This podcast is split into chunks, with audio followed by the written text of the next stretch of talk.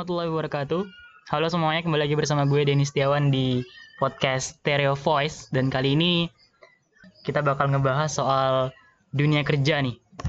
Kan di masa sekarang, di masa pandemi, dunia kerja lagi terdampak banget karena adanya COVID-19 dan kebetulan bersama gue udah hadir seorang pekerja yang mana sangat terdampak eh, oleh pandemi COVID-19 ini yaitu saudara siapa nih kenalin diri dulu Ya, nama saya Muhammad Samsul Marif ya, bisa dipanggil Arif. Eh, saya adalah seorang ojol. Ya, saya kembalikan ke ini aja.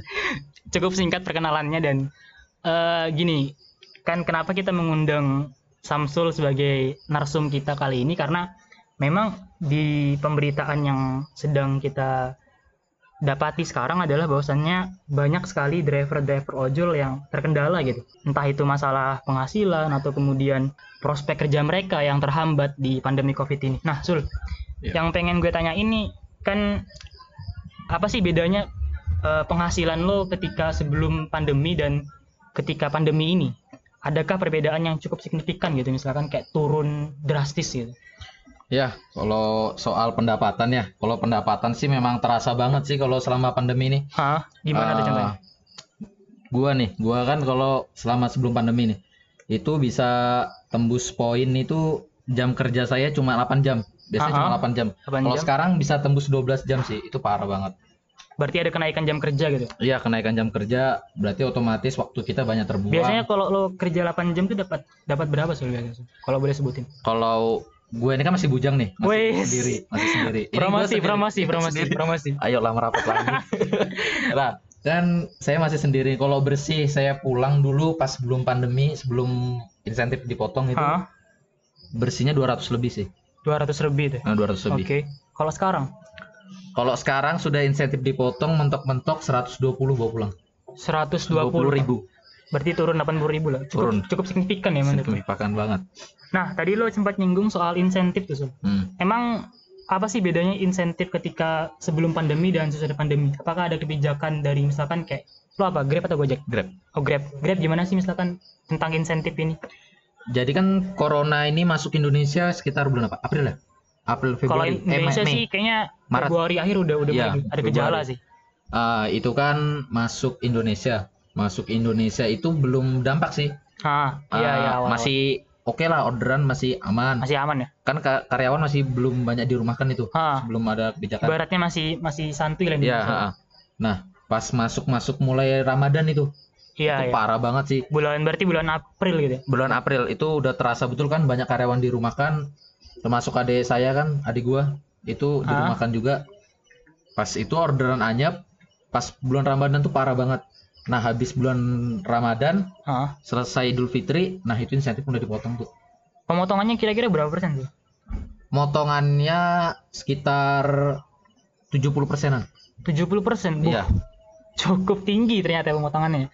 Dan itu berdampak cukup besar ya terhadap penghasilan lo gitu ya. Wah, besar sih. Soalnya kalau dipikir-pikir sebelum corona yang lebih banyak penghasilan dari penghasilan itu ya dari insentif itu.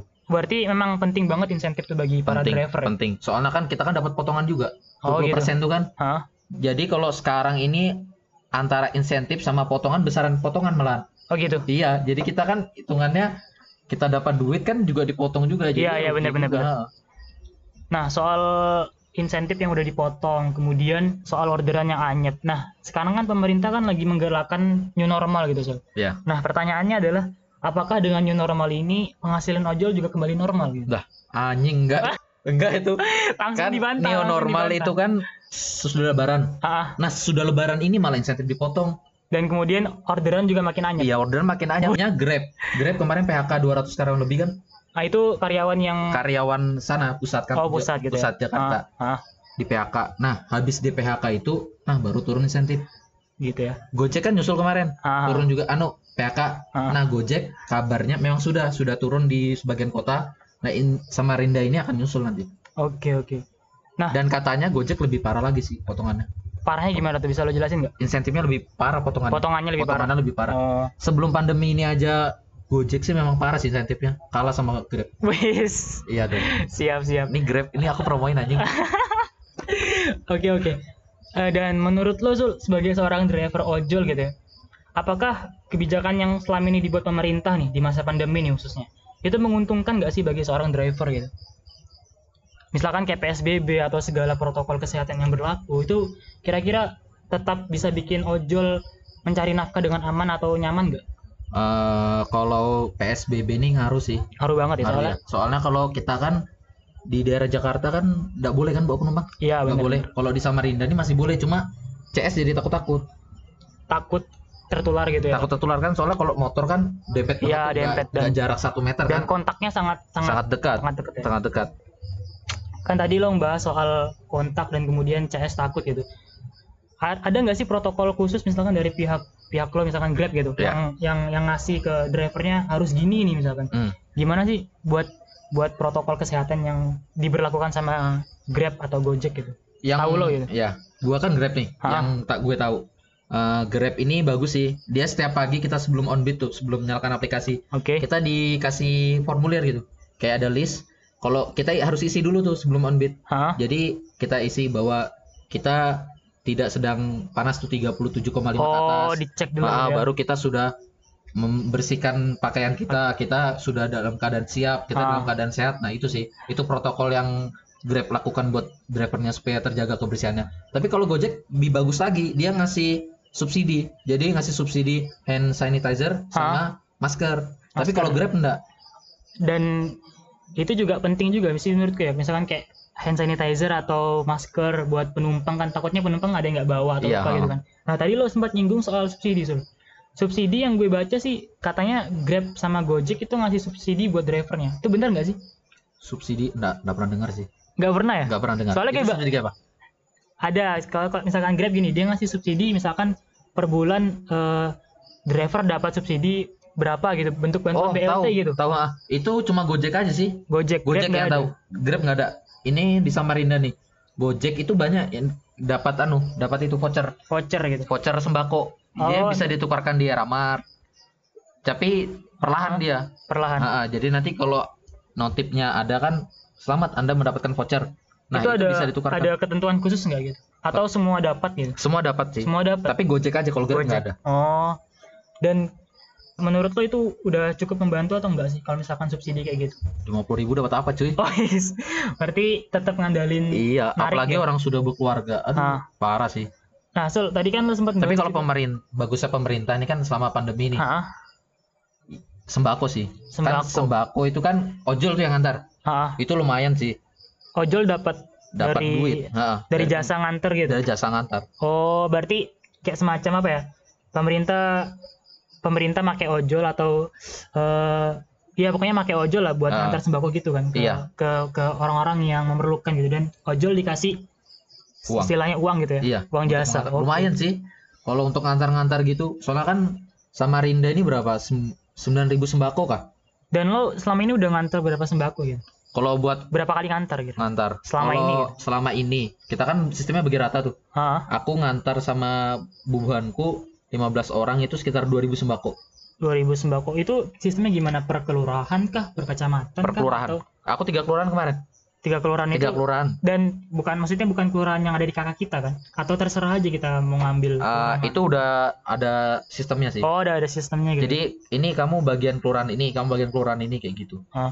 Berarti cukup teratur ya masalah masalah uh, respon dari pihak Grab maupun Gojek ataupun pemerintah sendiri ya dan uh, menurut lo kira-kira di masa new normal ini misalkan para CS atau para penumpang lo udah udah balik nggak sih maksudnya udah udah mulai normal ordernya atau enggak sih Kalau gua li, kalau gua rasakan belum sih. belum ya Belum. Soalnya karyawan masih banyak dirumahkan, Hah? anak sekolah juga tuh anak sekolah belum ada. Ah. Anak sekolah ngaruh banget sih karena emang kebanyakan dari situ kan, dari anak sekolah. ha.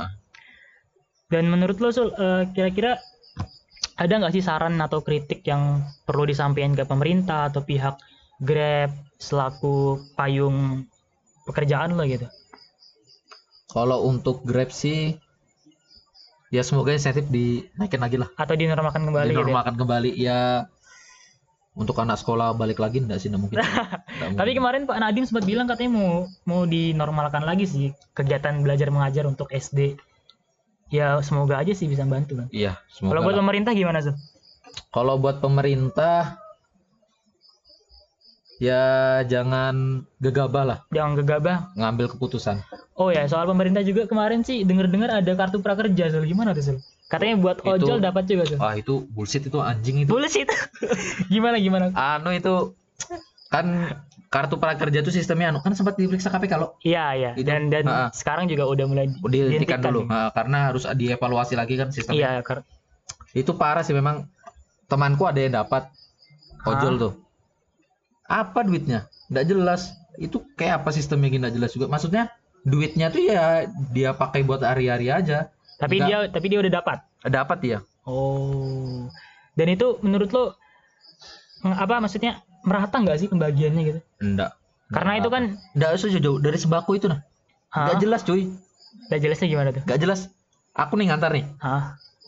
Ini Pak, ini kan kita nanya RT tuh. Iya. Pak, ini atas nama ini yang mana rumahnya? Oh, yang itu, Mas. Kita lihat datang ke sana, punya mobil aja. Rumahnya tingkat dua, Cuk.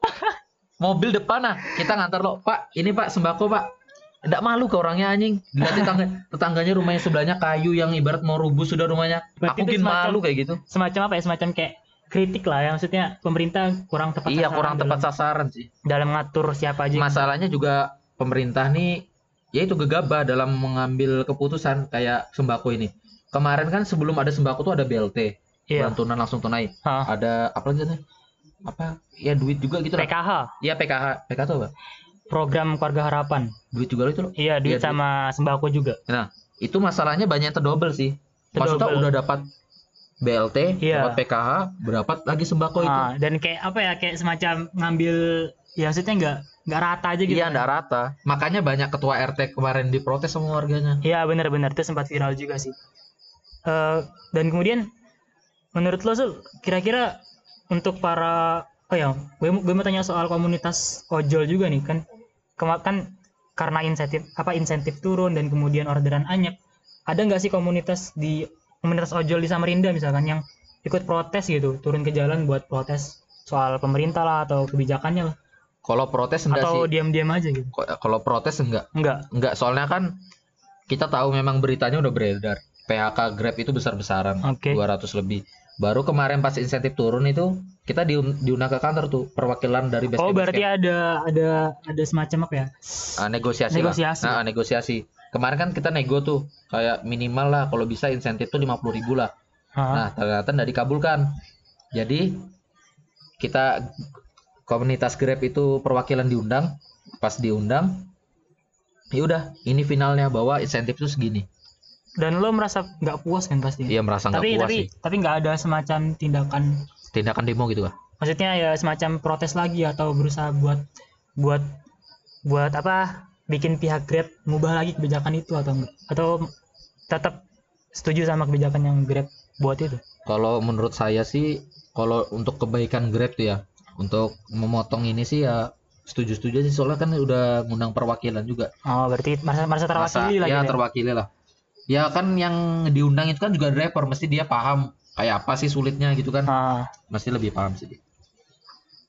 oke berarti cukup apa ya cukup parah juga ya dampak yang dirasakan oleh driver khususnya terutama di masa pandemi ini dan Tapi orang orang baik bertambah sih sama Covid ini. Wih gitu ya. Gimana gimana? Bertambah. Coba bertambah gimana? Kita ki- aku sih aku temanku yang banyak Oh gitu. maksudnya orang order tuh pembayaran non tunai. Oh iya ya, iya, nah, iya. Mas, makanannya buat Mas saja. Siap, siap. Nah, itu kan Berarti selalu ada Banyak. hikmah di balik. ya gitu. ada lah. Ada. Baru gua gua nih selama ngojol nih kan banyak juga orang-orang baik nih kayak ngasih-ngasih sembako di tengah jalan. Oh iya. Itu sering sih aku. Beras tuh uh banyak.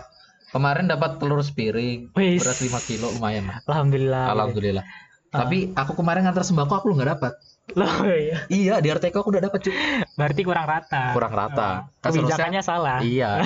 itu anjing. Kritik lagi, kritik lagi dan eh kalau misalkan kita lihat sekarang ya Sul, dengan dengan tidak stabilnya apa misalkan kayak eh, banyaknya pengangguran atau kemudian ekonomi masih belum stabil, menurut lo pekerjaan sebagai driver ini masih bisa bikin orang survive atau enggak sih?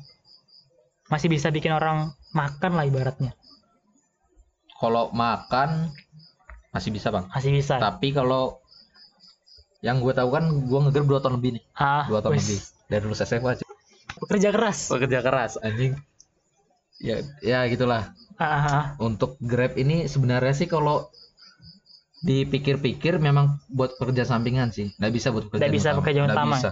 kalau untuk berkeluarga sih rasa kurang sih. Apalagi yang rumah ngontrak punya cicilan punya banyak tanggungan punya banyak gitu ya. tanggungan gitu, weh parah sih pusing pusing banget. Pusing banget. Dan tadi lo bilang sempat nyinggung soal pekerjaan sampingan gitu. Dan kebanyakan para driver itu emang sampingan atau enggak sih? Kalau misalkan narik gitu atau mereka punya kerjaan lain? Kebanyakan pekerjaan utama. Pekerjaan utama? Pekerjaan utama. Yang kuliah itu tipis-tipis. Kayak dua gua kan dulu kuliah kan. Tipis. Ya adalah tapi cukup lumayan cuk kuliah kan buat makan hari-hari bayar UKT cukup. Istilahnya mencukupi lah ya? Cukupi oke. Oh ya mungkin kita udah wis kita udah deng- dengerin keluh kesah salah seorang driver nih tentang tentang apa yang Curhatan dialami curhatan dia.